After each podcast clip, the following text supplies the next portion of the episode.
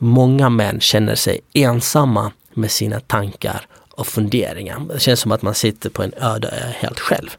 Men du är inte ensam. Det är många som lever och tänker som du. Frågan är, vilka plattformar finns det för dig?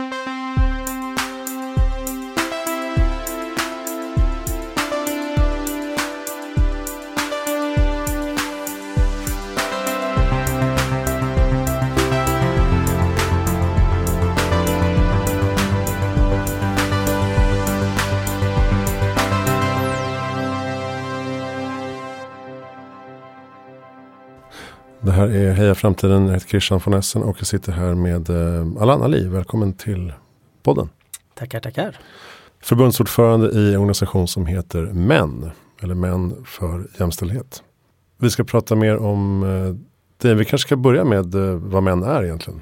Precis, Män är en eh, feministisk antirasistisk organisation som startades eh, på 90-talet som ett upprop mot mäns våld mot kvinnor. Med eh, grunden i att det var många berättelser som kom från kriget i Balkan där sexuellt våld användes bland annat som krigsföring där mm, alltså massvis kvinnor och barn blev våldtagna. Och då var det en grupp män som eh, bland annat inom Rädda Barnen som kände att men det här måste vi agera emot, vi måste göra någonting emot det. Och då skapade de det manliga nätverket som det hette och sen så småningom utvecklades det för, till Män för jämställdhet. Och sen eh, ja, efter en lång utveckling så heter vi numera män för att det är män det handlar om och det är vi alla män som ska ta ansvar för det här. Så vi har en eh, imponerande verksamhet idag. Eh, sen om man tänker att det startade som ett upprop, ett manligt nätverk och idag har vi ungefär 20 lokalavdelningar runt om i landet. Eh, om man tänker på att det är i Luleå i norr och i Malmö, Lund i söder. Vi har ett förbundskansli i Stockholm med cirka 30 anställda Eh, och sen har vi då ungefär i, ja, i sittande stund, höll jag på att säga, där har vi ungefär cirka 1400 medlemmar och ökar stadigt.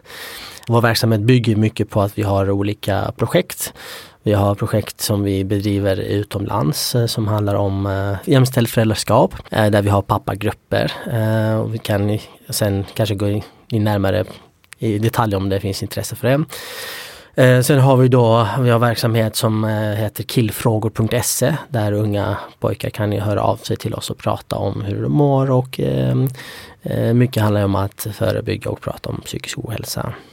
Sen eh, har vi då en eh, stor kommunikationsavdelning där vi jobbar med något som vi kallar för stormöten. Där vi försöker mobilisera att få män i rörelse för att kunna prata och agera i jämställdhetsfrågor. Och sen är vi då, vi har ju en metod och konceptavdelning där vi jobbar mycket med praktiska eh, pedagogiska metoder.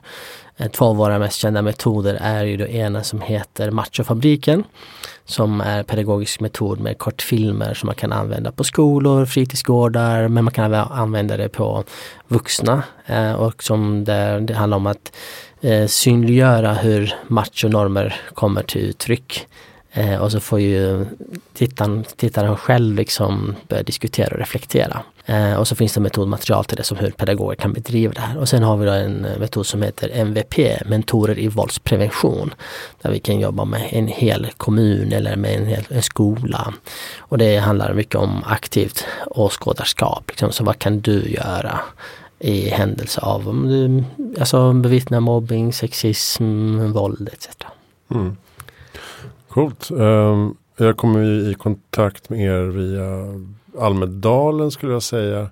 Men eh, om man ska sammanfatta då, vad är det vi män behöver um, stöd med i utveckling? Vi eh, växer upp i en, en kultur, eh, en manlighetskultur eh, med olika delar där vi eh, kan bara utveckla vissa delar av oss själva liksom där vi kan, alltså om det kan vara fokus på eh, till exempel att vara stark fysisk eller att om du ska liksom pressa ner känslor eh, kring alltså sårbarhet, eh, osäkerhet. Så att vi, vi, vi trycker ner i alla de här känslorna så stärker vi känslor som aggression, som besvikelse och så ger vi gärna uttryck för det fysiskt och eh, får utbrott utåt och så här. Och, och det gör ju liksom att vi inte blir inte kompletta som människor. Utan då, då har vi liksom, det finns en hel outforskad värld för oss. Eh, och det, vi kan ju också se att det finns ju, och det, man kan väl tycka så här, men det är väl, man måste inte utveckla, utforska allt och det kan jag ju förstå. Frågan är vad konsekvenserna blir och det är där eh, det blir intressant. För konsekvenserna blir ju att vi har ett väldigt starkt eh, självdestruktivt beteende fram, framförallt men också att vi har ett, eh, ett vårt beteende som män i grupp liksom med den här typen av Eh, beteendenormer som vi följer, liksom mönster som vi följer. Som skapar ju då att vi är också skadliga för vår omgivning. Eh, alltså det är hög alkoholmissbruk, eh, risktagande i, alltså generellt sett, på cykel, på motorfordon men också liksom, I arbetslivet. I arbetslivet, gör våghalsiga saker, att vi inte har heller att istället för att vi skulle liksom bromsa ner varandra och ge varandra mer råd att inte göra de här våghalsiga så kanske till och med att vi trycker på för att vi vill se mer av det här. Och då ser vi att det får eh, många konsekvenser. Män dör i förtid, vi är, vi är utsatta för fler olyckor, eh, våldsbrott i samband med alkohol men också utan alkohol och så vidare. Så att, och droger och så vidare. Självmordsstatistiken är ju Eh, är väldigt intressant att titta på och också liksom att sen alla det, det destruktiva beteendet, vi ser ju om vi ser till vad som upptar mycket i media. Vi ser ju alla så här skjutningar, man kallar det för gängrelaterade etc. etc. Oavsett vad det är, vi måste se den gemensamma nämnaren och det här handlar ju om en destruktiv manlighet. Eh, och, och de som faller offer runt omkring, det kan ju vara icke-män. Men de som håller på med det, så det är ju, det är ju inte unga flickor. Alltså ibland så säger ju då eh, många högerpopulister säger så här, ah, men det här är ett problem som har som bottnar i etnicitet och ra, ras och liknande och kultur. Men varför går inte flickor ut och skjuter varandra och, i förorten eller sådär va. Så det, det är så här, det är där vi kan se det. Så att vi som, vi tänker binärt då, alltså att vi är eh, heterosexuella männen liksom står ju för i grupp för väldigt mycket av det här destruktiva i samhället. Vi gör ju också väldigt mycket bra. Det är också viktigt att poängtera att det här handlar inte om att stå, slå med stora släggan och trycka ner män och säga att män är dåliga. För i så fall skulle jag säga att då är vi två också dåliga människor. För det handlar inte om det. Det handlar om att synliggöra de här strukturerna eller de här mönstren som vi lever efter för att kunna bryta och skapa någonting mer. Alltså att vi behöver ett vi, ska behöva leva, vi behöver leva fritt, liksom. vi behöver njuta av våra liv och inte vara begränsade. Mm. Och anledningen till att jag tycker det här är spännande ur framtidsperspektiv är för att många Oavsett om man pratar filosofi eller framtida arbetsmarknad eller, eller samhällsutveckling så är ju många rädda för en ökad polarisering som vi redan ser idag. Men där det blir ännu fler ensamma, kanske arbetslösa, frustrerade, arga män. Som hamnar liksom utanför den positiva tekniska utvecklingen. Och eh, kanske som sagt utanför arbetsmarknaden. Och därmed utanför eh, relationer och så vidare, sammanhang. Och hitta varandra istället. Hur ska vi liksom eh, bryta den trenden? Precis, alltså det är ju en, eh, en väldigt viktig eh, fråga både på filosofisk men också på liksom, en praktisk plan. Hur gör vi inför, inför framtiden? Jag skulle gärna vilja lägga till några andra aspekter där för att det eh, inte bara liksom eh, arga efterlämnande män, men jag tänker också besvikna, sårade eh, män som kanske inte har fått möjlighet att få vara med, som inte har haft eh, tillgång till eh, vad ska jag säga, de delar av samhället Eh, rent uppfostringsmässigt men också rent eh, logistiskt för att kunna liksom ta sig eh, alltså in i den nya, så att säga, nya världen om det är nu eller om det, är, om det handlar om att digitaliserad eller om det är moderna och så vidare. För här, där behöver vi också prata om klass. Vi behöver prata liksom, tillgänglighet, vi behöver också prata om makt. För att eh, det, det här är ju frågor som är väldigt viktiga. Att många män är eh, kan vara arga och få utlopp för det som på ett destruktivt sätt. Det handlar ju också om att, att våldet och att eh, det här är det sista maktmedlet kanske man har kvar. Och det är kanske inte det bästa maktmedlet. Så vi behöver också eh, tänka kring de aspekterna. Liksom. Vem har makt och hur makt fördelas i samhället och så vidare. Men jag tänker eh, generellt sett att vi behöver skapa tryggare individer. Vi behöver tr skapa tryggare eh, människor. Och eh, är man inte trygg då kan man ju också alltså, hamna fel. Och jag tror där att om vi ska skapa, vi pratar väldigt mycket idag, eh, vi är mycket inne på så här hårdare linjer liksom. vi ska vi ha hårdare straff, vi behöver ha, eh, vi ska liksom slå i liksom längre fängelsestraff, vi ska liksom ha utvisningar. Det, det är så mycket prat om hårda toner hela tiden. Och, och då bara tänker jag så här, ska hård liksom bemötas med hårdhet. Det kanske inte är just det vi behöver. Vi behöver kanske mer eh, skapa mer kompletta människor. Vi behöver mer kanske social omsorg, vi behöver ömhet, närhet och framförallt att bjuda in och skapa delaktighet. För att eh, vi träffades i Almedalen och jag har ju varit deltagit i Almedalen, jag tror sedan 2007 har jag bara missat ett år. Eh, och då har vi pratat mycket kring de här frågorna. Och alltid på agendan för att kunna skapa en bättre framtid så har det handlat om delaktighet, alltså demokrati och delaktighet. Eh, och skapar vi inte den, den delaktigheten för de som Eh, för de ska liksom hänga med i utvecklingen, de personerna, ja, då hamnar de också utanför. Så det här handlar i stort, eh, väldigt stort att det handlar om, om delaktighet. Sen tror jag ju inte att den automatiserade framtiden, att den kommer att vara så, eh, så negativ som vi kanske eh, någonstans alltså förutspår. Eh, jag lyssnade på en annan podd där det var en, så här, en, en forskare som var med och berättade så att, att, i början när man kom med gatulyktor i London till exempel. Då var det massa jätteoroliga för de eh, eh, gatuarbetare som tände lyktorna och släckte lyktorna så här. Oj, men nu kommer med elektriska lyktor, då kommer ju så här bli massarbetslöshet och folk kommer att så här. Mm. Men, men samhället någonstans anpassar sig efter det successivt. Och det är samma sak med många andra saker. Så frågan är liksom om vi kanske ska också se mer positivt på framtiden. Hur, hur kan vi skapa ett inkluderande samhälle? Mm. Eh, och hur vi ska liksom förbereda inför det. Eh, och då, då menar jag liksom att eh, ett sätt vore ju liksom att om, om vi någonstans arbetar med våra ungdomar eh, Alltså arbeta förebyggande och förberedande. Så att man känner sig trygga i sig själv, att man kanske lämnar eh, en hel del destruktiva subkulturer, destruktiva manlighetsnormer som eh, det är ändå det vi arbetar med. Vi försöker få bort att man kan, så att man kan lära sig att hantera besvikelser, man kan känna sårbarhet. För det är det som när du väl lär dig att hantera dina besvikelser, när du lär dig att, eh, att hantera sårbarhet, så kan du också resa dig ur det Eh, och vara trygg i det. Och då, kan, då dras du inte heller till eh, så här drastiska grupper. Liksom. Så vi har ju ett problem i samhället. Vi har ju folk som ansluter sig till, och framförallt män, men även kvinnor, men framförallt män som ansluter sig till destruktiva, så här, väldigt radikala grupper. Eh, med om det kan vara med religioner, det kan vara med så här politisk ideologi och så vidare. Så går man dit och då känner man sig att där man hittar en tillhörighet.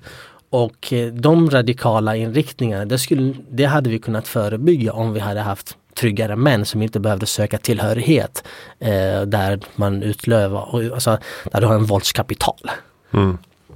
Nej, precis. Det är ju samma, samma unga frustrerade män i alla de här, oavsett vilken riktning. Precis, frustrerade, besvikna män som inte klarar av att vara, att vara lämnade utanför. Vi har en grupp som kallas för incels. Eh, alltså det blir så här icke frivillig personer som lever i icke frivillig äh, celibat och att mm. man lever i, utan relation då för att de känner att, de, att kvinnor inte vill ha dem. Och oftast de här killarna de är också besvikna på samhället. Så de blir besvikna, arga och då dras man till de här äh, grupperna i ytterkanten av samhället och så blir mm. det mer radikalt. Ja, det verkar vara en otrolig sexuell frustration också i, i de här uh, grupperingarna. Absolut. Som, som ger sig uttryck då i hat på nätet och, och sådär. Precis och då kan man ju se också, det, det är ju, man kan se också att det speglar sig även i det verbala, hur man uttrycker sig. Att det är sexuellt och sexuellt våldsamt. Mm. Att eh, om det är, alltså att eh, hur man uttalar sig mot kvinnor. Att man hotar med våldtäkt men det är inte bara att säga att jag ska ha, jag ska våldta utan det ska vara väldigt brutalt också. Mm. Och där ser man liksom att, och, då, och det är ju uttryck för någonting. Det är uttryck för en väldigt stark besvikelse, utanförskap, besvikelse, alltså en känsla av att eh, maktlöshet. För det är det, det är det enda jag kan göra. Och också att då vill man bibehålla sig i det som eh, är då ett, ett patriarkalt överordnad roll. Och jag vet att många stör sig på när man eh, pratar, man använder begrepp som patriarkat och mansnormer och så vidare. Men vi, vi behöver ju också tänka kring de här strukturerna vi har i samhället med överunderordning. Där vi har olika maktordningar. Vi, har, vi som män, vi, vi föds in i en överordnad maktroll. Eh, en maktposition så här. Och så vad gör vi med den maktpositionen och så vidare. Och det blir ju så här, och det ser man ju precis som du var inne på själv liksom i de här till exempel på forumen då att man börjar uttrycka sig på ett väldigt eh, verbalt hotfullt sätt. Men också att eh, det finns ju de som också gör verklighet av det. Det var ju i, i Kanada, tror jag det var, eh, som det var en, en, en kille som körde med bil in i en protest en feministisk protest och den tillhör den här incels-gruppen till exempel. Mm. Och vi ser att fler av den typen av tyvärr dåd kan ju komma att öka.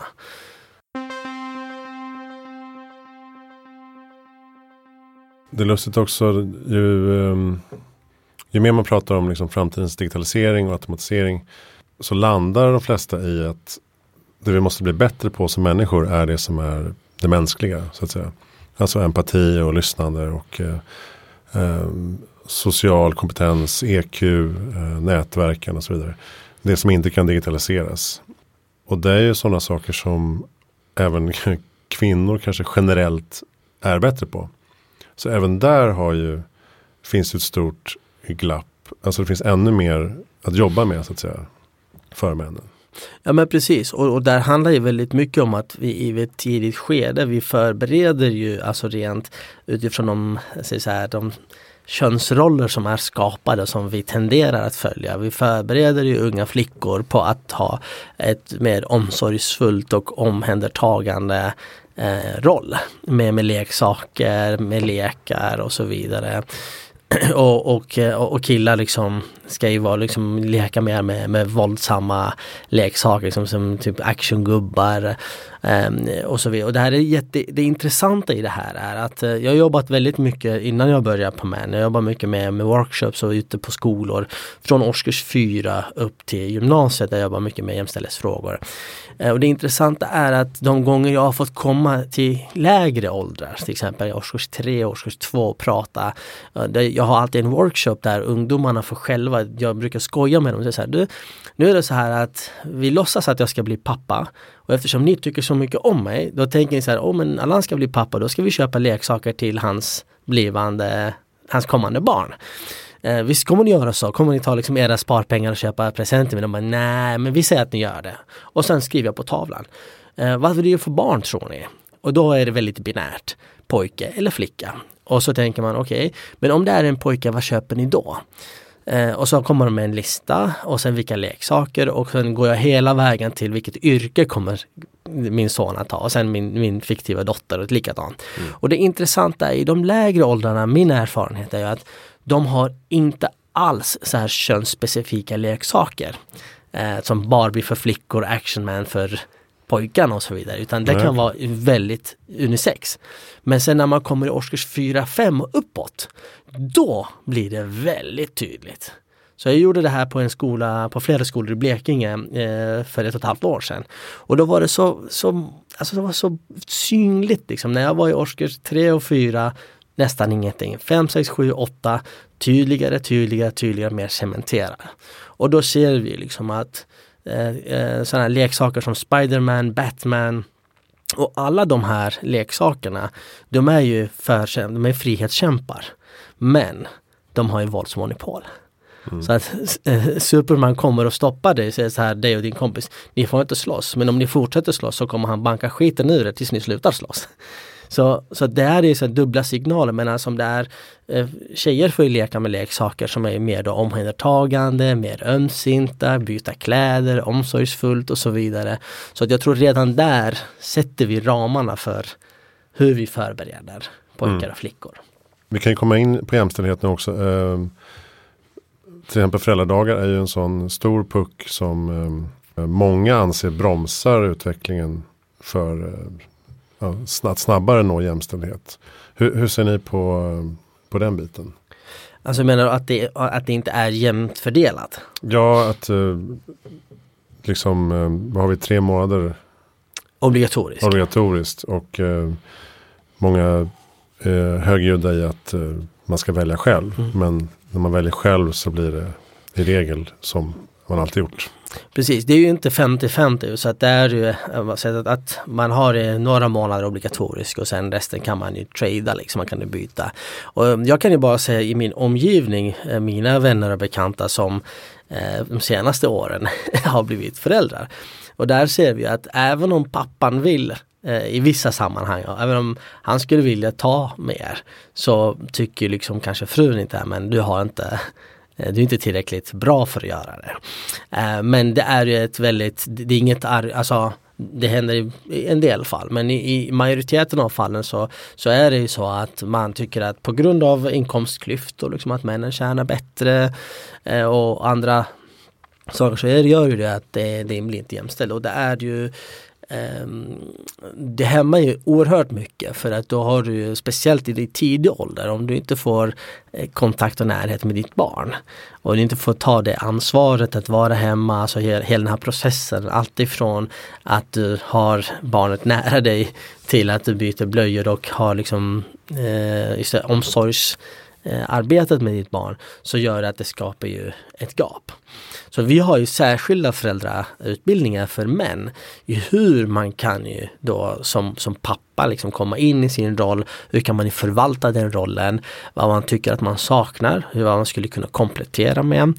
Eh, för att det finns ju också pappor som känner sig väldigt ensamma när det här händer. När de blir pappor för då kommer ju mycket uppmärksamhet eh, från partnern faller ju på barnet. Så lämnas man ju, då har man inte samma uppmärksamhet som tidigare. Så det, det, är, det är så många aspekter av föräldraskapet som vi inte pratar om och inte heller jobbar kring. Nej, så är det verkligen ett, ett effektivt sätt att cementera löneskillnader, eh, pensionsskillnader, ja, hushållsarbete och så vidare. Precis och jag menar och, och, där är ju, jag vet jag har ju haft eh, kompisar och, och det intressanta är hur, hur pass bra är ju samhället på att eh, på att acceptera att även kvinnor kan kliva ur den traditionella rollen. Eh, att, eh, så att jag vet ju, jag har ju tjejkompisar som när de har börjat eh, arbeta kanske efter ett halvår eller eh, kanske börjat jobba lite smått efter några månader eh, efter liksom, förlossningen. Eh, då har ju många gånger andra inte sett på dem som bra mammor. Att hur kan du tänka dig att lämna ditt barn? Men det är ju min mans barn också säger då, då, då Han kan ju ta, ta hand om, om barnet, speciellt om eh, hon har slutat amma och så vidare. Och även det kan man ju lösa. Eh, så, här. så att jag tror ju att vi ehm, vi behöver skapa en stor attitydförändring i de här frågorna. Men för att kunna göra det, då är det viktigt att lyfta vårt ansvar som män. För det är ju så här att eh, jag pratade, berättade tidigare att vi föds in i en överordnad roll, en maktposition. Så vi har ju faktiskt eh, möjlighet att i det här sammanhanget faktiskt kräva. Vi har ju möjlighet att säga nej men nu vill jag verkligen vara mer delaktig i mitt barns liv. Eh, och, och man, man, gör man det så tror jag ju inte att eh, kvinnor eller samhället skulle säga nej men backa. Liksom, utan då, då, gör vi det och det här behöver vi göra individuellt men också som en manlig rörelse, som, men som grupp. Mm. Ja, som du säger, just mamma-shaming är ju också ett stort problem i det här. Ja men verkligen och jag tycker också det är så, det är så lustigt. Jag har eh, eh bekanta som eh, bor i Estland och eh, varje gång vi, vi pratar om det här så om de ska beskriva en, en bra man, då säger de så här, ja men eh, Typ säg så här, min kompis man han är så bra, han är som så Eh, han är som en svensk man. Ja, på vilket sätt han det? Ja men han, går, han är ute och går med barnvagnar. så att, och då tycker jag så här, men vad kul liksom. Men att, att vara ute och gå med barnvagnen att anse sig vara bra. Och det, det är jättebra att det är positivt och eh, bejakande. Men vi ska inte behöva få pluspoäng för det där. Utan det där ska vara ett naturligt ansvarstagande. Och det är en av de grejerna som vi på män försöker liksom få fram. Liksom. Att, eh, jag ofta så här om jag får applåder en klapp på axeln. men vad duktig du är du som gör det här. Att, men, eh, tack, men det här är in, jag gör inte det här för att jag ska få en bekräftelse på att jag är en, en schysst man. Utan jag vill vara en man som gör rätt för mig. Eh, precis som vi alla andra ska göra. Vi ska ta vårt ansvar. Så att det som vi, vi hade en hashtag som heter mansvar, typ så här, man, att män ska ta ansvar. Mm. Och, och, där är liksom att, att vara ansvarsfulla män eh, är ju Eh, eftersträvansvärt i, alltså ur ett helhetsperspektiv. Om man är intresserad av eh, att liksom tänka på helheten när det gäller jämställdhet så, så finns det ju ett bra test på er sajt, eh, relationstestet det tror jag. Och jag tog det och anser mig väl vara, inte superjämställd men, men i alla fall att jag har vissa ansvarsområden, min fru har andra ansvarsområden och det jämnar väl ut sig. Men när man väl kommer in på när man kommer förbi de här liksom, praktiska grejerna med, med disk och um, hämtning och lämning och sånt. Eh, och jag sköter mer återvinning och sopor och sånt och, och räkningar och hon sköter det och det. Och sen när man kommer in på det sociala och familjelivet. Vem tar initiativ till att köpa kläder, gå på restaurang, firande, kalas, baka tårta, packa matsäck. Alltså, alla sådana små saker där, man, där jag tror att många män som jag, man liksom backar och tänker att det där löser sig av sig självt på något sätt. För att eh, kvinnan eller mamman då gör det per automatik i sin så kallad projektledarroll. Um, och då inser man att det är ganska många tankar som, som hon bär på. Som, alltså, det är inte konstigt att utmattning är liksom ganska vanligt förekommande bland eh, kvinnor i den här åldern. Eh, nej, men det, var, det var ett bra sätt att liksom avtäcka och synliggöra sin egen ojämställdhet. Eh, även inom sin familj. Absolut och det som är bra med den typen av eh, tester, du, du gör det i, på din egen kamma, i din egen kammare. Liksom. Det är ingen annan som Alltså det, det är hur du svarar på frågorna och ju ärligare du är desto tydligare blir det. Och, och, och återigen, det här handlar ju eh, inte om att skuld och skambelägga utan det här handlar om att synliggöra. För att många gånger får jag frågan så här att eh, Um, hur ska vi skapa förändring? Liksom? Och varför ska vi skapa förändring? Varför är du ute och, och pratar om det här? För jag, jag började min bana med att prata om rasism eh, och, och, våld. Och då säger jag alltid så här att men om du inte är medveten om det du säger eh, är eller kan vara rasistiskt, då kan du inte heller ändra på det.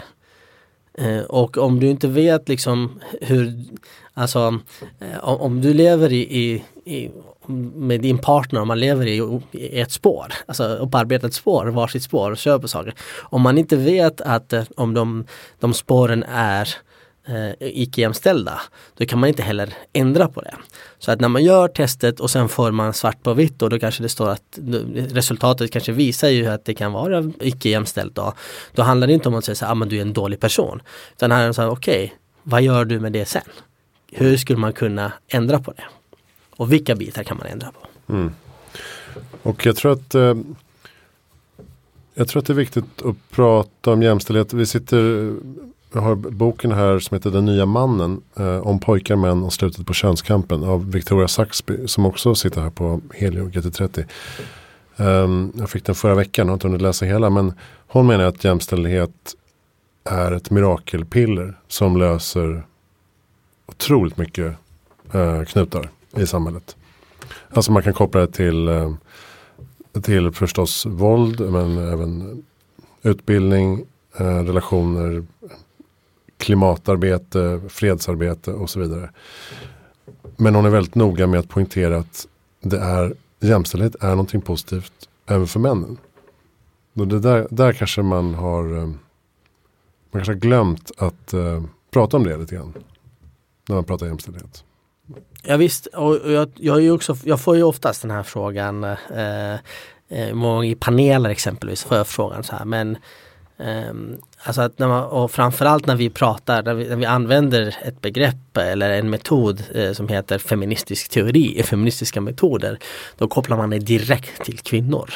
Eh, och eh, om man tänker på feminism ur ett Eh, Eh, så kallat intersektionellt perspektiv, alltså utifrån olika maktaspekter. För att, eh, att eh, om man utgår ifrån jämställdhet eh, och man tänker bara på kön, man och kvinna, så är det ju då, eh, det finns ju, det är en makthierarki men det finns ju andra makthierarkier som, som klass, som etnicitet, hudfärg, ras som är ett begrepp som vi inte använder särskilt mycket i Sverige men utomlands är väldigt viktigt att lyfta så här ekonomisk möjlighet, funktionalitet, eh, Eh, etc. Så då, då blir det ju eh, väldigt tydligt och, och en intersektionell feministisk teori liksom. Det sk skulle vi följa det och analysera våra, våra liv och hur vi skulle kunna ut efter det förbättra, då skulle alla må mycket bättre. Eh, men eftersom det heter feminism då blir många så här, ja ah, det är bara för kvinnor och vi män blir utelämnade. Sen finns det ju också att eh, en, en annan viktig poäng är ju att det är faktiskt kvinnor som har bedrivit det feministiska arbetet. Där män inte har velat delta, där män har varit framförallt motståndare. Eh, vilket gör ju då också att det är mest kvinnor som hörts i de här frågorna. Och jag vet ju själv att för ett antal år sedan var det inte särskilt populärt. Eh, även när jag själv i en debatt lyfte så att, att vi som män måste få vara med Eh, e i jämställdhetskampen på ett eh, nästan på samma villkor. Liksom. Att vi, får vara, vi måste vara med och äga och sätta den delar av den feministiska agendan. För där handlar också om oss. Och då blev det ju eh, ganska mycket rörigt. För att det var eh, många röster som sa, och jag uttryckte mig inte heller så här jättepedagogisk och det blev så här, åh nu ska en man komma och plötsligt ska de ta över feminismen också, så som vi män kan göra i många andra sammanhang. Mm. Och det var absolut inte min intention. Eh, och jag försökte liksom kontra eller hämta upp det med sig så här. Om vi är, alltså rent statistiskt ska vi så här, så står vi, alltså män, över 90% av alla våldsbrott och framförallt sexuellt våld är ju män som är förövare. I. Så att om vi är överrepresenterade, nästan 90% där, då måste vi ändå få vara 50% av lösningen. Eh, så därför behövs vi män. Och, eh, och vi tjänar och mår bra av att eh, jobba med feministisk teori, jobba med feministisk. jag, vet inte om jag, har ett särskilt exempel som jag skulle kunna lyfta. Mm. jag, jag berättade för en kollega på jobbet precis innan jag kom hit. Jag jobbar ju väldigt mycket med killar i, i grupp då, jag har gjort det i väldigt många år. Och, och vissa av de här killarna har jag blivit mentor för i, i många år efteråt som, jag haft kontakt med. Eh, och en, de här grejer, sexualitet och samlevnad är en väldigt viktig fråga och hur mäns syn på kvinnor och objektifierande av kvinnor men också mäns åsikter om kvinnors sexualvanor och sexuellt Alltså deras sexuella historik. Eh, för, för många, för visst när man pratar så som du gör nu så kan ju en del män säga så här att ah, men det är ju skitsamma hur många hon har legat med. Men i yngre åldrar men även för även eh, vuxna män kan det här vara väldigt, väldigt känsligt. Eh, och, och den här killen som jag har exempel kring, jag har ju pratat väldigt mycket med honom. För honom var det så väldigt viktigt att träffa en tjej som inte har haft så många pojkvänner, helst inga pojkvänner alls. Och så vidare. Så försökte liksom, vi jobba med hela gruppen kring den här frågan. Sen, eh, vi bodde ju då i Malmö då eh, och sen var han i Stockholm på besök. Träffade han en tjej här och sen ringde han mig, han berättade att han skulle på dejt och sen ringde han mig efter dejten och han bara Fy fan vad skönt! Så han bara, alltså jag mår så jävla bra. Så jag tänkte okej, okay, typ, vad har hänt? Så han sa, vet du vad? Vi har satt på den här dejten och den här tjejen frågar mig hur många flickvänner har du haft? Hur många har du legat med? Och då sa jag till henne, och tänkte här, de är mellan 25 och 30 år gamla då. Då, jag, då sa jag till henne, ja, det är obetydligt, det är, inte, det är ointressant hur många jag har legat med. Eh, så att det viktiga är att du och jag ses nu. Och då frågar hon, men vet, vill du inte veta hur många jag har legat med? Och han bara, nej absolut inte. Det är totalt ointressant om du har legat med en eller med hundra, för jag bryr mig inte om det. Och då hade hon blivit jättechockad. Hon bara, vad är det för spel du kör här? Alltså det finns väl ingen man vara ett spel. Ja, det, så det finns ingen man som inte bryr sig om det. Och då hade han sagt så här jag kan genuint säga att jag inte bryr mig om det för att just nu då använder han ett uttryck som, här, som jag ha- hade kommit med på en föreläsning som jag själv inte minns riktigt så. Då hade jag sagt så här att eh, så inför en, varje gång man träffar en ny partner då är man liksom, då börjar man på liksom ett eh, blankt blad, liksom att man är helt oerfaren inför varandra. Så tillsammans upptäcker man sexualiteten eh, mellan varandra och då hade han ju sagt det. Och så ringde han till mig och då sa han så här jag genuint sa han, genuint så blev jag lättad. Att när jag sa det, och så är det så skönt att jag inte behöver gå runt och bära på det här. Och vad, vad försöker jag säga med det här? Att det finns faktiskt många män som går runt och stör sig på att deras partner har haft ett liv innan de har träffat dem. De är också oroliga för vad andra, de, vad ska de andra grabbarna säga? Så nu när jag är med Lisa eller med Fatima eller med vad det nu hon heter. Vad ska de säga om henne? Vad ska de säga om min relation med henne? Eh, och så vidare. Så att, och, och jag menar, och det här att tänka jämställt, att inte bry sig om det här. För att kvinnor har ju inte haft den makten att alltså, kunna liksom påverka det där. Om en man har haft så här hundra flickvänner då blir han ju mer som en Casanova sa de på min tid. Jag är 70-talist, jag vet inte hur gammal du är. 79. 79. Så då var det så här, ja, då var man Casanova eller Don Juan liksom. Och sen eh, idag blir man så här pimp eller man är så här cool och så vidare. Men alltså om en tjej har inte haft kanske en bråkdel av an, samma antalet partner då blir hon i slampa, hora och så vidare och så vidare. Så att kan vi liksom utjämna den maktobalansen där så kan ju också män må bra. Då behöver du inte ha den här hetsen liksom att träffa en person som inte har haft så många partners etc. etc. Ja, eller tro att man själv måste ha många Ja. för att eh, stiga i rang. liksom. Även det precis. Så, så målet ska ju vara liksom att må bra. Och, eh, och sen förstår jag ju återigen, vi kommer tillbaka till grundfrågan. Liksom så här, att är jämställdhet bara någonting för kvinnor? Men vi som män, vi, vi tjänar ju oerhört mycket på, på att vi lever i ett jämställt samhälle. Vi, bara tänk på att hur det ser ut i, i våra yrkesgrupper, de så här stereotypa eh, yrkeskategorierna. Eh, så återigen, vi pratade om det här tidigare, att om man lever, man lever mycket risktagande. Eh, men också så här att inte ha närhet till och till, sina, tillgång till sina känslor. Eh, men också tillgång till familjen, till sina barn. Eh, Det är så mycket som vi förlorar på vägen när vi, om, om vi lever i patriarkala mönster.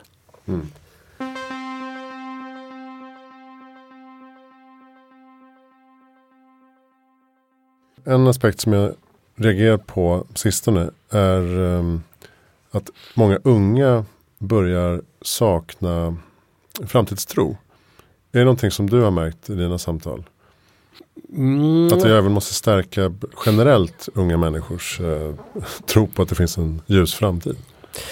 Ja, alltså det beror ju på liksom. Jag tänker om jag går till mina erfarenheter i arbetet med, med unga eh, framförallt. Så handlar det ju väldigt mycket, eh, där kan man säga att det kan handla, exempelvis handla om klass. Eh, har du föräldrar som har arbete, som har som har det ordnat för sig om man säger så. Eh, då, är det, då har man ju förebilder, då, har, då är det lättare att ehm, ha en, framtids, en positiv framtidstro. Eh, har, lever du på försörjningsstöd eller har du föräldrar som är frånvarande eh, och inte har kanske en, en god fadersgestalt eller modersgestalt eller någon annan. Så, ehm, och då, någon annan mentor i livet kan man säga. Då är det svårare att, att tro på, alltså se positivt på framtiden. Så att jag tror att vi har eventuellt, eh, jag hoppas att jag har fel, men vi har eventuellt en hel generation som växer upp med eh, där, där det brister just i de här områdena, där man inte har en, en positiv vuxen förebild i form av en, en, en förälder eller en, en annan eh, vuxen positiv eh, person i närheten som är som, som drifting säger man på engelska, vad kommer på svenska ordet. Att man är liksom eh, På glid. på, eh, precis, du, att, man är på, att man är på glid och har svårt och eh, Den här killen jag nämnde tidigare som eh, ringde om den här eh, relationen då.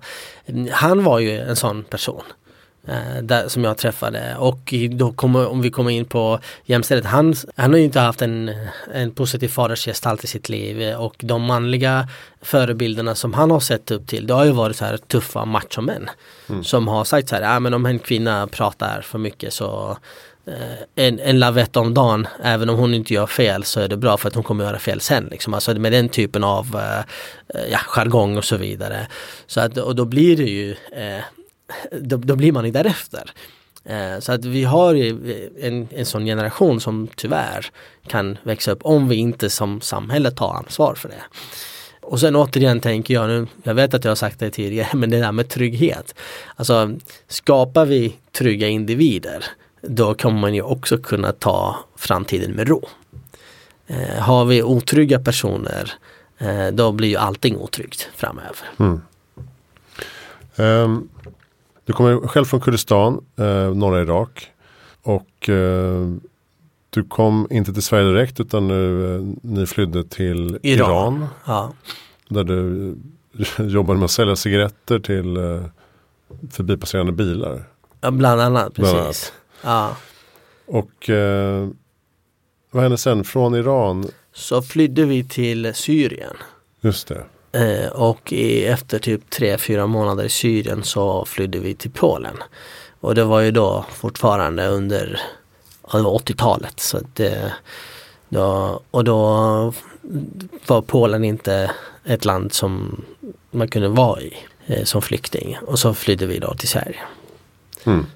Så, att, eh, så det tog ungefär två år att komma till Sverige från den dagen vi flydde. Och, men i början så hade ni inte asylrätt utan det var jo, först när kriget bröt ut på allvar? Eller? Nej, vi hade alltså vi, vi, vi blev eh, eftersom vi hade kommit via Syrien och Syrien är ju det första, alltså enligt eh, jag vet inte om det är Dublinförordningen eller vilken det är, liksom det, man ska stanna i det första landet som erbjuder asyl. Så när man börjar då. Och eh, Syrien på den tiden var ju exakt som Irak. Det var ju då, pågick inte ett krig. Eh, fast Syrien har ju samma politiska system som Saddam Husseins, Baathpartiet och då så väldigt eh, dikta, diktatoriskt och vi ser ju vad Syrien har hamnat i. Men då var det ju pappan till nuvarande presidenten som styrde. Eh, så därför flydde vi vidare men då när vi kom till Sverige då kom de på att vi hade kommit via Syrien. Då sa de att då måste ni ni, då måste ni söka asyl i Syrien, då får ni inte söka asyl i Sverige. Så då skulle de ju då eh, utvisa oss dit. Så vi flydde. Eh, vi gömde oss. Så jag bodde hos en familj, min syster hos en annan familj, mina föräldrar eh, bodde hos någon, några andra bekanta med min lillebror. Så vi var ju utspridda i Sverige. Sen flydde vi till Danmark och i Danmark kom de på att vi kom från Sverige. Då sa de så här, ja men då ska ni söka asyl i Sverige. Så eh, de fängslade oss och, eh, och eh, under mycket tråkiga omständigheter. Min mor eh, svimmade och de danska poliserna sparkade på henne när hon låg på marken och sa eh, typ så här, eh, spela inte teater upp med det. Och min mamma har haft problem med just lågt blodtryck och svimmar. Eh, även idag kan hon göra det. Men Eh, så att som barn att växa upp med det var, eh, jag har aldrig glömt hur de danska poliserna sparkade på henne. Så, och min pappa blev eh, häktad när vi kom över till, till Sverige. Och så han frågade, jag vill se mina barn. Så, för att han fick inte träffa oss. Och då hade de i häktet gett honom en bunt med porrtidningar och sagt till honom som att du, du kan onanera och eh, tagga ner liksom. Du, du kommer få träffa dina barn när ni ska liksom utvisas. Så att just det här inhumana sättet mm. eh, att bli behandlad på, det var ju någonting som jag kände igen i Irak av regimen, Saddam Husseins regim, i Iran av den eh, så fundamentalistiska ayatollah-regimen, i Syrien av Baath-partiet eh, kommunismen i Polen. Men i Sverige som skulle vara en så här demokrati, så här demokratiskt samhälle, så att hela Skandinavien, ja vi var ju absolut inte förberedda på det där. Nej, det var, väl, det var väl samma då när du började skolan också och insåg att folk var ganska jävliga här Ja också. precis, jag tänker bara avsluta det. Vi fick ju stanna till slut när Saddam Hussein bombade kurderna med kemisk bomb Mm. i Irak. Då de bombade ju då en närliggande stad där jag är född och en del av mina släktingar som bor ju där blev ju då mördade. Och då stoppade de utvisningsbeslutet. Eh, och sen blev det ju så att jag hamnade ju, ja det var som sagt alltså att eh, Rasismen är ju en, en lurig jävel liksom. Eh, och ibland är man medveten, ibland är man inte medveten om det. Men det var, det var mycket sånt där alltså jag fick stöta på massor med fördomar. Alltså folk frågade ju oss om vi hade bestick i, i Kurdistan. Och jag minns att min syster som är så här superskarp och smart och skärt och rapp i käften och sa så här, nej men vi äter med fötterna. Och då frågade hon så oj är det inte svårt? och, och det är ju folk som, ja, eh, som kanske inte var jätte, jättesnälla men vi blev kompisar sen. När vi, så fort vi lärde känna varandra och började komma in i samhället. Men det var ju mycket också så hur lärarna hanterade det där. Liksom att om jag blev kallad för en massa dumma saker och, så här, och om jag sa till lärarna då tyckte ju lärarna så att ah, men typ eh, Kalle mår dåligt liksom. Eh, han- Innerst inne är han snäll. Men jag bara, men det innebär ju att det är okej att han får mobba mig för att han mår dåligt. Eh, Så att mina känslor togs inte på allvar. Eh, Men då bodde jag i Jämtland och, och det var jättestor skillnad mellan att bo i Jämtland och i Skåne. Det var först när jag flyttade ner till Skåne, det var där jag mötte nazism. Så att eh, man ska säga att i den främlingsfientlighet eller om man skulle kunna säga främlingsrädsla eller okunskapen som jag mötte i, i Jämtland i Östersund. Det var ju ingenting av den nazism och rasism som jag stötte på i, i Skåne. Eh, i, jag- jag bodde i en, en by som hette Klippan eh, där det begicks ett, eh, ett brutalt rasistiskt mord. Eh, och eh, 95 därför så blev det liksom väldigt känt i medier och så här. Eh, jag kan till och med till börja med säga så här, det finns massor med fantastiska människor i Klippan. Eh, vi får inte glömma de goda människorna. De är jättemånga, de finns överallt. Ehm, så att vi ska ju liksom inte stämpla kommunen som ett nazistnäste även om där bor eh, folk som har nazisympatier även sedan andra världskriget. Så det här har ju gått i arv så det här är ju ingenting som eh, bara kom med eh, 90-tal, 80-90-talets invand- alltså flyktinginvandring och att det här var Nej. en protest utan det här är faktiskt gammalt eh, och det finns ju forskning på det. Anders och Berit Wigefelt de skrev ju en, eh, en bok, de forskade ju på just mordet i Klippan och vad som hände där eh, från Malmö högskola. Så det finns en hel bok att läsa om det, en forskning alltså som evidensbaserad bok. Men, men där fick jag ju liksom, alltså jag stötte på, alltså det var helt horribelt hur, eh, hur, stark rasismen var och då, alltså man behöver inte ha studerat den här franska filosofen Michel Foucault för att förstå att makt skapar motstånd. Så att när man blir utsatt för det där så, och jag, men jag har ju varit, jag är ju van att, alltså jag är född i, ett, i en del av världen i, i en etnisk grupp som alltid fått vara underdogs. Där vi har alltid fått kämpa för vår rättighet att existera. Så att komma, och sen i Iran jag sålde cigaretter som tioåring. Varje dag, jag blev liksom misshandlad kanske en gång i veckan och blev rånad. Så jag lärde mig ju att överleva. Och så kommer jag till ett fantastiskt demokratiskt samhälle där alla ska ha rätt att få vara sig själva. Och då blir jag liksom utsatt för, för rasistiska påhopp och för så här, passar det inte att dra hem till ditt hemland och vi kommer slå dig på käften och etc. etc. Så att jag gjorde ju motstånd. Och det blev inte populärt. Så det var det så här att eh, då hamnade jag oftast i slagsmål med ja, de som var nazister. Eh, och många av dem är fortfarande aktiva, eh, bland annat i ja, vissa politiska partier idag som är höger om höger så att säga, utan att nämna eh, något då. Eh, vissa är aktiva även som kommunpolitisk i, i, i den vägen och så vidare. Och det här är ju personer som gick runt i skolan med hakkors på armen. Eh, som på bildlektionerna ritade bilder på hur eh, alltså koncentrationslägren, hur tågen körde in i gaskammarna eller hur GIs, alltså amerikanska soldater med machetes eh, mördade vietnameser och så vidare och eh, hängde upp i bildsalen. Och när vi sa till vår bildlärare så här, men hallå, kan du, ser du inte vad de gör? Och de var så här, ah, de är bara glöttiga. Det är bara. Och en av de här killarna som gjorde det här, han var faktiskt den som åkte fast eh, eller blev ju dömd för medhjälp på, för mordet på eh, Gerard Gebeo 1995 i Klippan. Så, att, så det som var pojkstreck och det som var som att de var, det var glöttiga ungdomar det slutar ju med ett mm. rasistiskt mord. Så att eh, där skulle man kunna enkelt fånga upp eh, den ja, typen av strömningar? Def, definitivt och, och jag menar det, det är allt annat. Alltså det kan ju vara allt annat destruktivt beteende. Forskning visar ju liksom att du förvandlas inte till en våldsverkare över en dag. Eh, så här, utan det här är någonting som eh, sker successivt redan från, från barn att du har auktoritetsproblem etc. Så det, det är en helt annan podcast, vi kan mm. prata om det.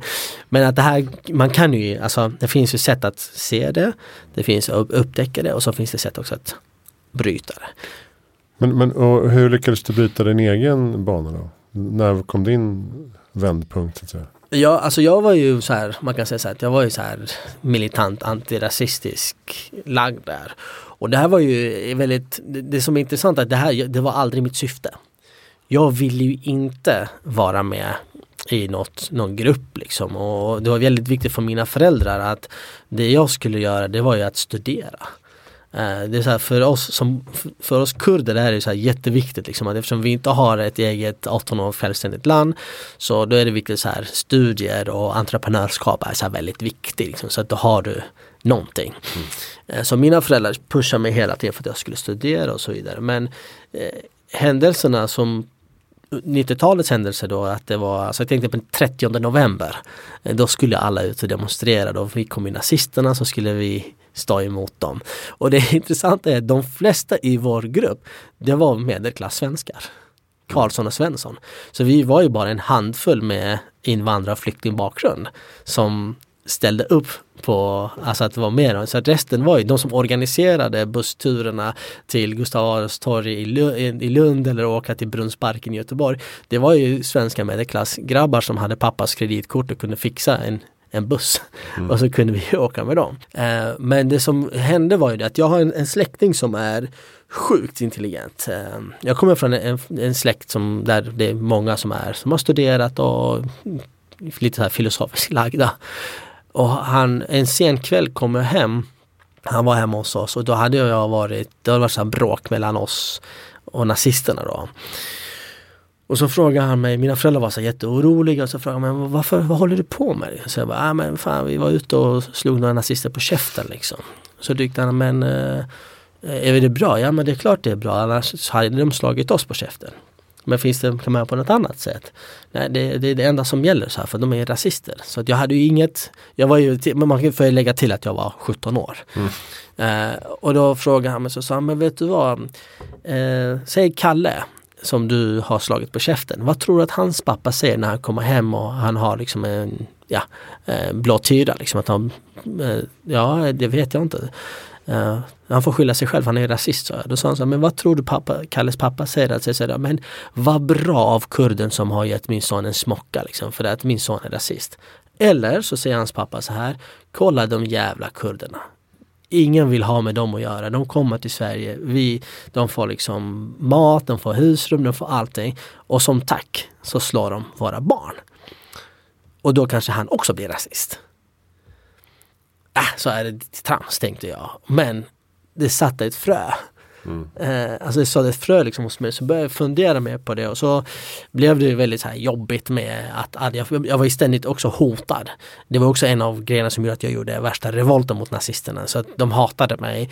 Så jag var ständigt hotad. Hela min gymnasietid var jag mordhotad.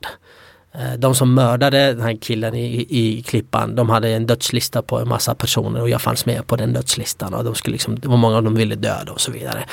Så att, men, men jag kommer till det att just det här uttrycket, det här klichén liksom, pennan är starkare än svärdet. Eh, och med stöd av min, mina föräldrar och min släkting som verkligen pratade mycket med mig. Då tänkte jag så här, men då kör vi på det. Så att jag började istället då att engagera mig mot rasism, mot våld, mot droger, mot mobbing och mot anabola steroider.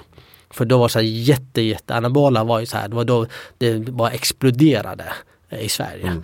Eh, och, och, så då, då var det jättemånga som käkade det så att jag fick ju jag, gick, jag, tränade väldigt mycket, jag tränade, jag gymmade, jag tränade kampsport och jag tävlade och klubben var ju också så här mycket emot att man var ute och slogs och så här och så, här och så vidare. Även i självförsvar så fick vi jättemycket vi hade en, en tränare från Libanon som var stenhård. Så sa han så här, men det här i så här, kampsportsfilosofin så är det inom, eh, alltså i ringen får du göra det som är tillåtet. Utanför ringen får du inte alls använda det här. Mm. Och det gjorde att jag började engagera mig som en antirasistisk aktivist utan våld. Och hur hittade du utlopp för det då? Ja, rörelse, jag har alltid varit så här väldigt verbal och eh, ganska driftig. Jag gillar att sätta igång processer. Så att eh, i skolan så var det en, eh, eh det var två kuratorer eh, som eh, var verkligen den ena hette Bertinga och den andra hette Katarina som är goda förebilder för mig. Så jag hoppas om, om ni hör det så ni är fantastiska. De borde, liksom, de borde utbilda framtidens kuratorer. De var riktigt, riktigt grymma båda två. Uh, de såg ju potential i mig uh, och också att jag hade stort inflytande över, för jag pratade flera språk. Så jag kunde kommunicera med olika eh, så säga, migrantgrupper. Men så hade jag också väldigt många svenska kompisar. För det var ju också så här, det lustiga var det här, det var att även nazisterna respekterade mig. För att eh, de, de, de tänkte så här, ah, men Alan Ali han är inte som, du vet han kommer inte med hela släkten, om han har problem så kommer han själv. Eh, så, här, så att, jag var dum, modig, det tyckte de var coolt. Mm. Så då, då, kunde jag även prata med dem. Så ibland när det var på väg att bli bråk eh, utanför ett, en klubb eller sådär så kunde jag gå in och medla. Alltså, så lugnade jag ner det. Så det blev ju till slut så att, som, att faktiskt polisen så att eh, vi så här, en fredag kväll kommer jag ihåg, jag var hemma för vi hade gäster. Så kommer polisen och knackar på och då var det en inspark, gymnasieinspark. Och då kommer de fråga mig om jag ville följa med och gå in på diskot och medla för att det fanns en så här eh, Det gick rykten om att det skulle bli gängslagsmål. Mm. Så då fick jag gå in och så fick jag ta liksom Det, det är gängets ledare, det är gängets ledare, alltså det var så informella, vi pratar om ungdomar i 19-18 års åldern. Mm. Eh, och då kunde jag liksom prata med, med alla så att det inte blev bråk. Så, det var, så jag fick ju en helt annan, en annan roll. Eh, då förstod du också att du var kanske bra på det?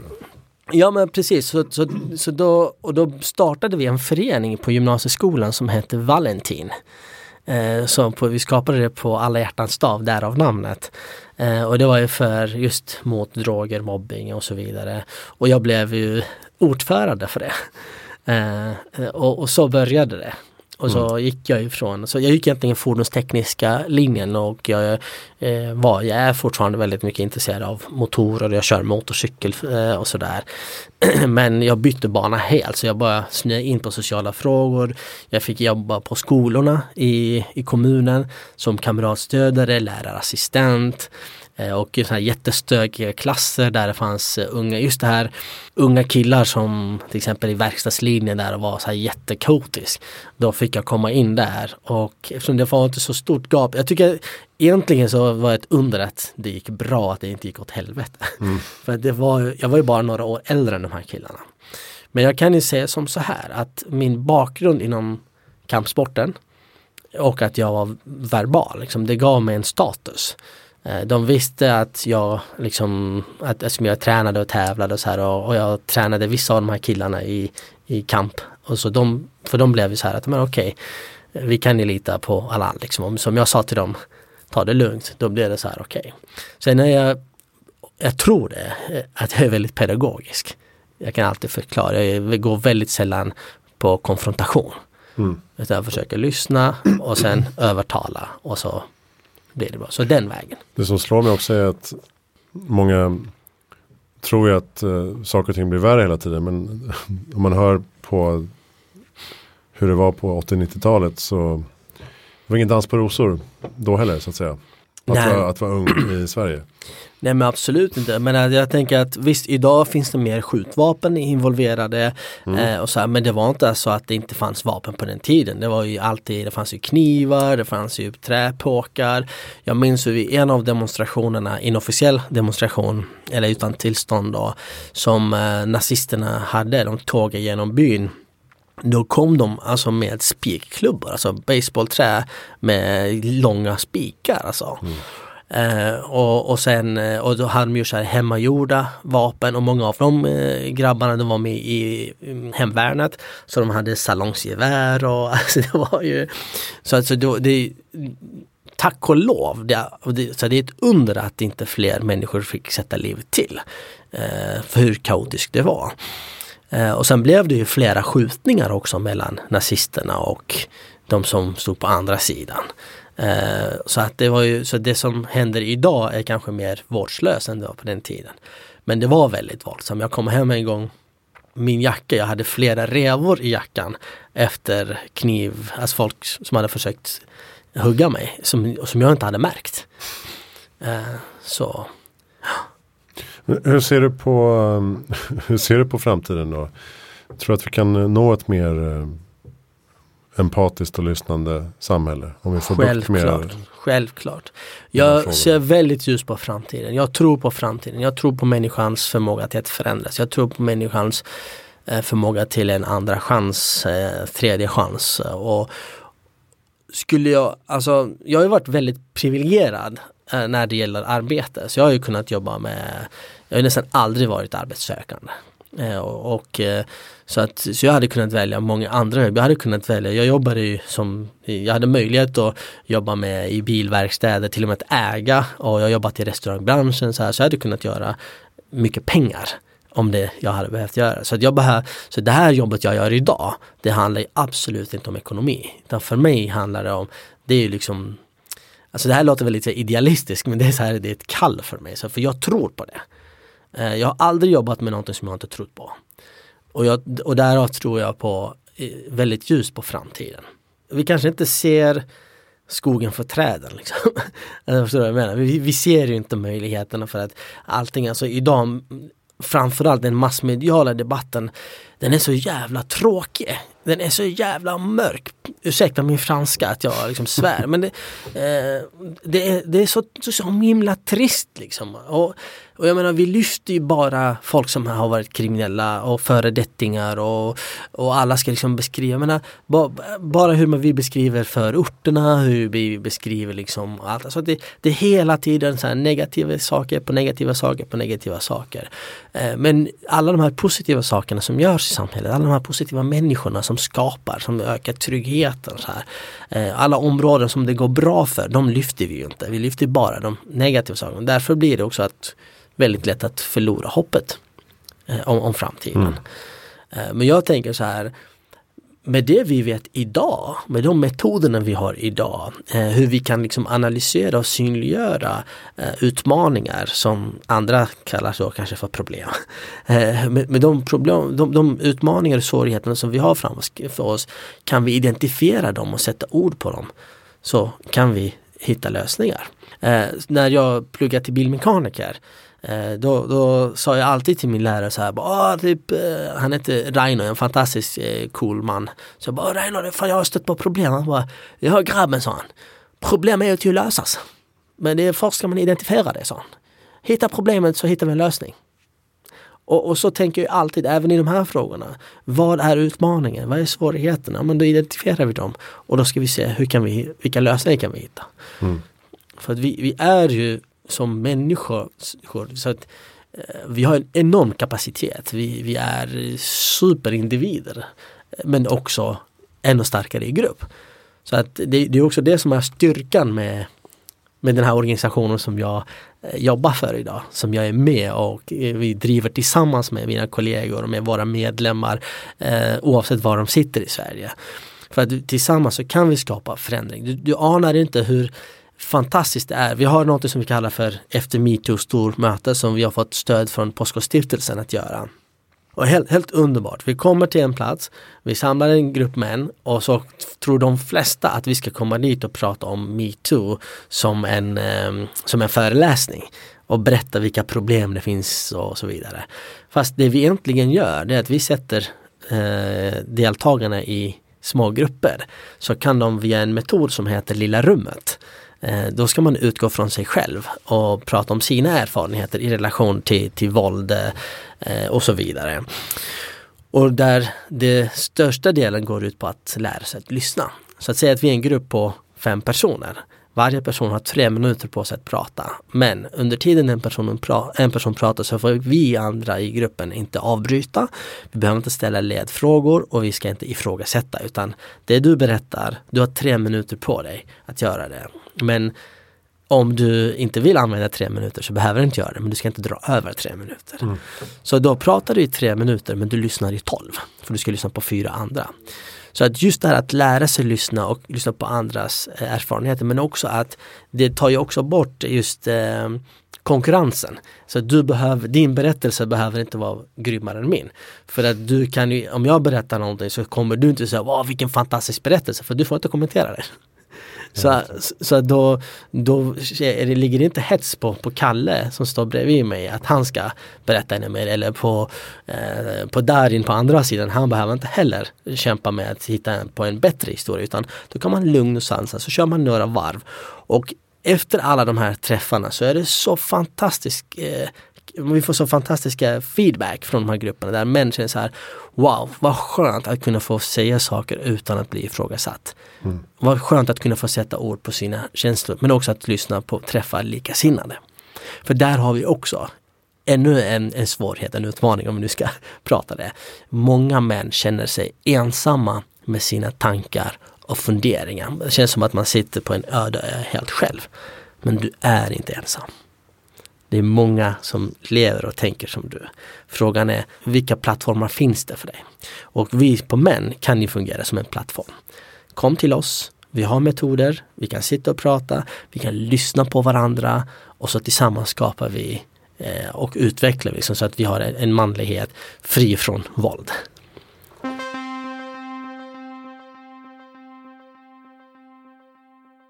Bra. Vad är ditt bästa tips för att göra världen bättre i framtiden? Lyssna, analysera, gör om och gör rätt. Eh, men lyssnare är verkligen väldigt viktigt, alltså att lyssna och vara lyhörd. Eh, det är någonting som jag själv lärt mig mycket mer av på sistone och alltså de senaste åren. Även om jag har jobbat mycket med samtal och jobbat med unga och så här.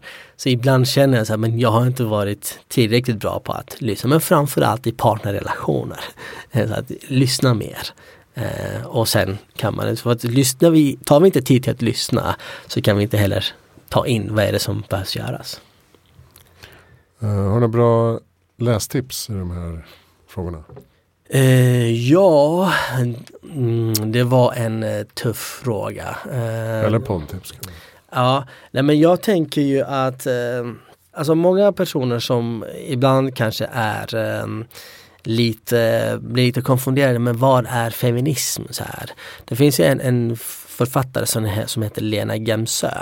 Eh, en gammal bok som har några år på nacken men den heter så, så bildas ismer. Eh, så om man vill liksom gå in lite på vad feminism är för någonting och olika inriktningar i feminismen. Så det kan ju vara en bra grund tycker jag. För när jag läste genusvetenskap själv så eh, det var en av de första böckerna jag började med. Sen tänker jag också att eh, ett, det finns ett begrepp som heter intersektionalitet. Som man kan googla lite kring på nätet. Eh, och, och därav ta in. Så det kan vara en, en bra introduktion.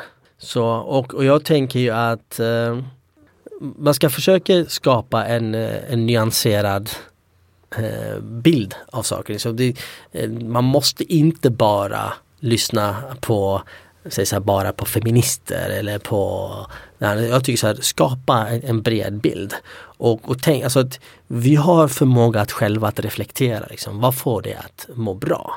För jag tror också att och sen också att förändring behöver inte betyda att det är negativt. Jag tror att det är en en rädsla om vi pratar om de här besvikna, arga personerna, männen. Eh, det är också så att det är väldigt mycket rädsla inför det okända. Liksom. Vad kommer att hända med mig? Liksom? Alltså att om, om, eh, om jag ska, för jag får frågan så här, men eh, varför ska vi ge upp makten? Liksom? Vad får jag tillbaka? Mm. Så här. Och då ställer jag tillbaka frågan, så här, men vad tror du? Och för att gör lite egna efterforskningar. Förvänta dig inte att du ska få svar levererade till dig. För jag tror att vi har också blivit lite, mer, lite lata. Vi är, vi, är, vi är vana vid att någon annan berättar för oss vad vi ska göra. Utan hitta själv din egen väg. Många gånger så har jag ju fått göra det, gå den vägen själv. Eh, när jag har ställt frågor på, på universitetet, jag ställer massa frågor kring feminism och jag hade en del tankar kring vit feminism, liksom att den var för snäv och så vidare. Och då just det här kring den patriarkala triangeln liksom. Och, och då sa ju min lärare, så sa hon så här att Hörru du unge man, sa om du tror att du är så jävla smart, skapa någonting själv. Och det är den bästa utmaningen jag någonsin har fått. För att det var precis vad jag gjorde. Jag utvecklade, gjorde en egen variant av den patriarkala triangeln för att kunna just förklara hedersrelaterat våld och förtryck. Ett ämne som jag jobbat med i 15 år. Eh, och, och, den finns ju att få tag på eh, till exempel. Och, och många, ja, ja, det är så kul att jag har kompisar och bekanta och gamla elever som varit på kurser där man har just använt den förklaringsmodellen för att förklara vad hedersvåld är. Mm. Eh, och då blir det så här, wow vad kul. Så här, men det hade ju aldrig skapats om inte den läraren hade sagt till mig skapa någonting själv, liksom. bilda din egen uppfattning. Och det är mitt absolut bästa tips. Ifrågasätta men var alltså, kreativ. Inte bara för att du ska sätta dig emot det utan försök resonera. Ja precis, och det återkommer vi ofta till här att uh, vi skapar i framtiden hela tiden. Uh, tillsammans och genom våra allra minsta handlingar i vardagen. Är också, uh, ger också ringar på vattnet så att säga. Och om vi är trötta på allt prat så kan vi göra istället. Ja, precis. Och, och jag tänker också mycket så här att var inte rädd för förändring. Alltså jag tänker ju att eh, så många gånger vi som, om vi tänker utifrån de stereotypa så här, machomannen ska inte vara rädd mm. för saker och ting. Men varför är vi så jävla rädda för feminism? För det är det, det som vi minst ska vara rädda för.